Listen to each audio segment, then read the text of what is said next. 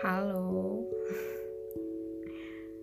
saya Arvina Chandra, perempuan muda yang punya banyak mimpi, perempuan pecinta namun hobi terluka, terkadang puitis, berpuisi bab jangga.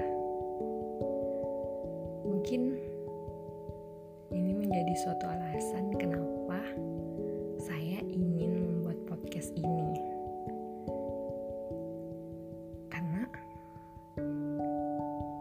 Semua dari kata-kata puitis saya adalah cerita hidup saya. Bercerita tentang apa yang saya alami, apa yang saya rasakan.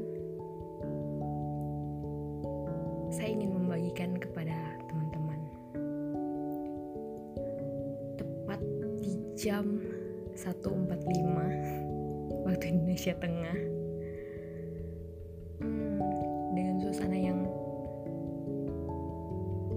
lumayan sejuk ini, saya memutuskan untuk merekam ini, membuat podcast pertama saya. Semoga teman-teman suka. Nanti kita lanjut lagi.